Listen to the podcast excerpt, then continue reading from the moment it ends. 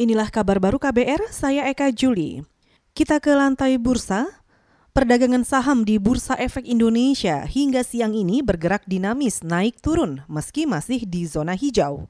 Mengutip data RTI, pada jeda perdagangan siang, IHSG ditutup sementara di level 6.209, menguat tipis 8 poin atau 0,13 persen dibanding saat pembukaan. Indeks dibuka di level 6.221 dan pada pergerakan pagi hingga siang sempat terjun ke zona merah di level 6.194 dan juga sempat melonjak ke posisi tertinggi di angka 6.232.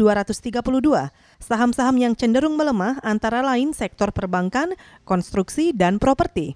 Sejumlah saham yang melemah cukup dalam antara lain Surya Citra Media melemah 3,3 persen serta Tower bersama infrastruktur melemah 4,5 persen.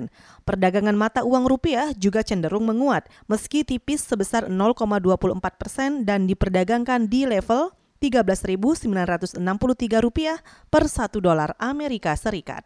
Kita ke soal lain.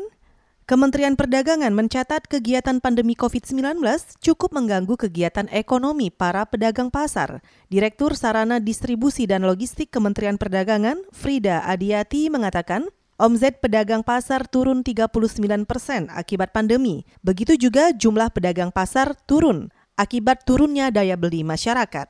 Di teman-teman pedagang ini uh, dari perhitungan kami hampir 39 persen omsetnya turun. Kemudian jumlah pedagang yang berdagang pun juga turun karena uh, untuk uh, menjaga protokol kesehatan ya ini sebanyak uh, 30 persen. Penurunan daya beli masyarakat ini malah sampai 60 persen dan ketidakpastian dunia usaha serta pelemahan investasi juga penurunan harga komoditi maupun transaksi ekspor dan impor ini uh, juga menurun. Itu tadi Direktur Sarana Distribusi dan Logistik Kementerian Perdagangan Frida Adiati.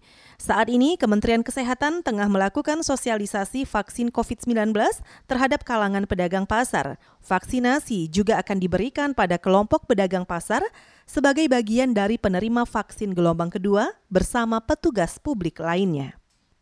Saudara, Kementerian Keuangan menyebut ada kemungkinan bantuan subsidi upah bagi pekerja dengan gaji di bawah 5 juta rupiah akan kembali dilanjutkan.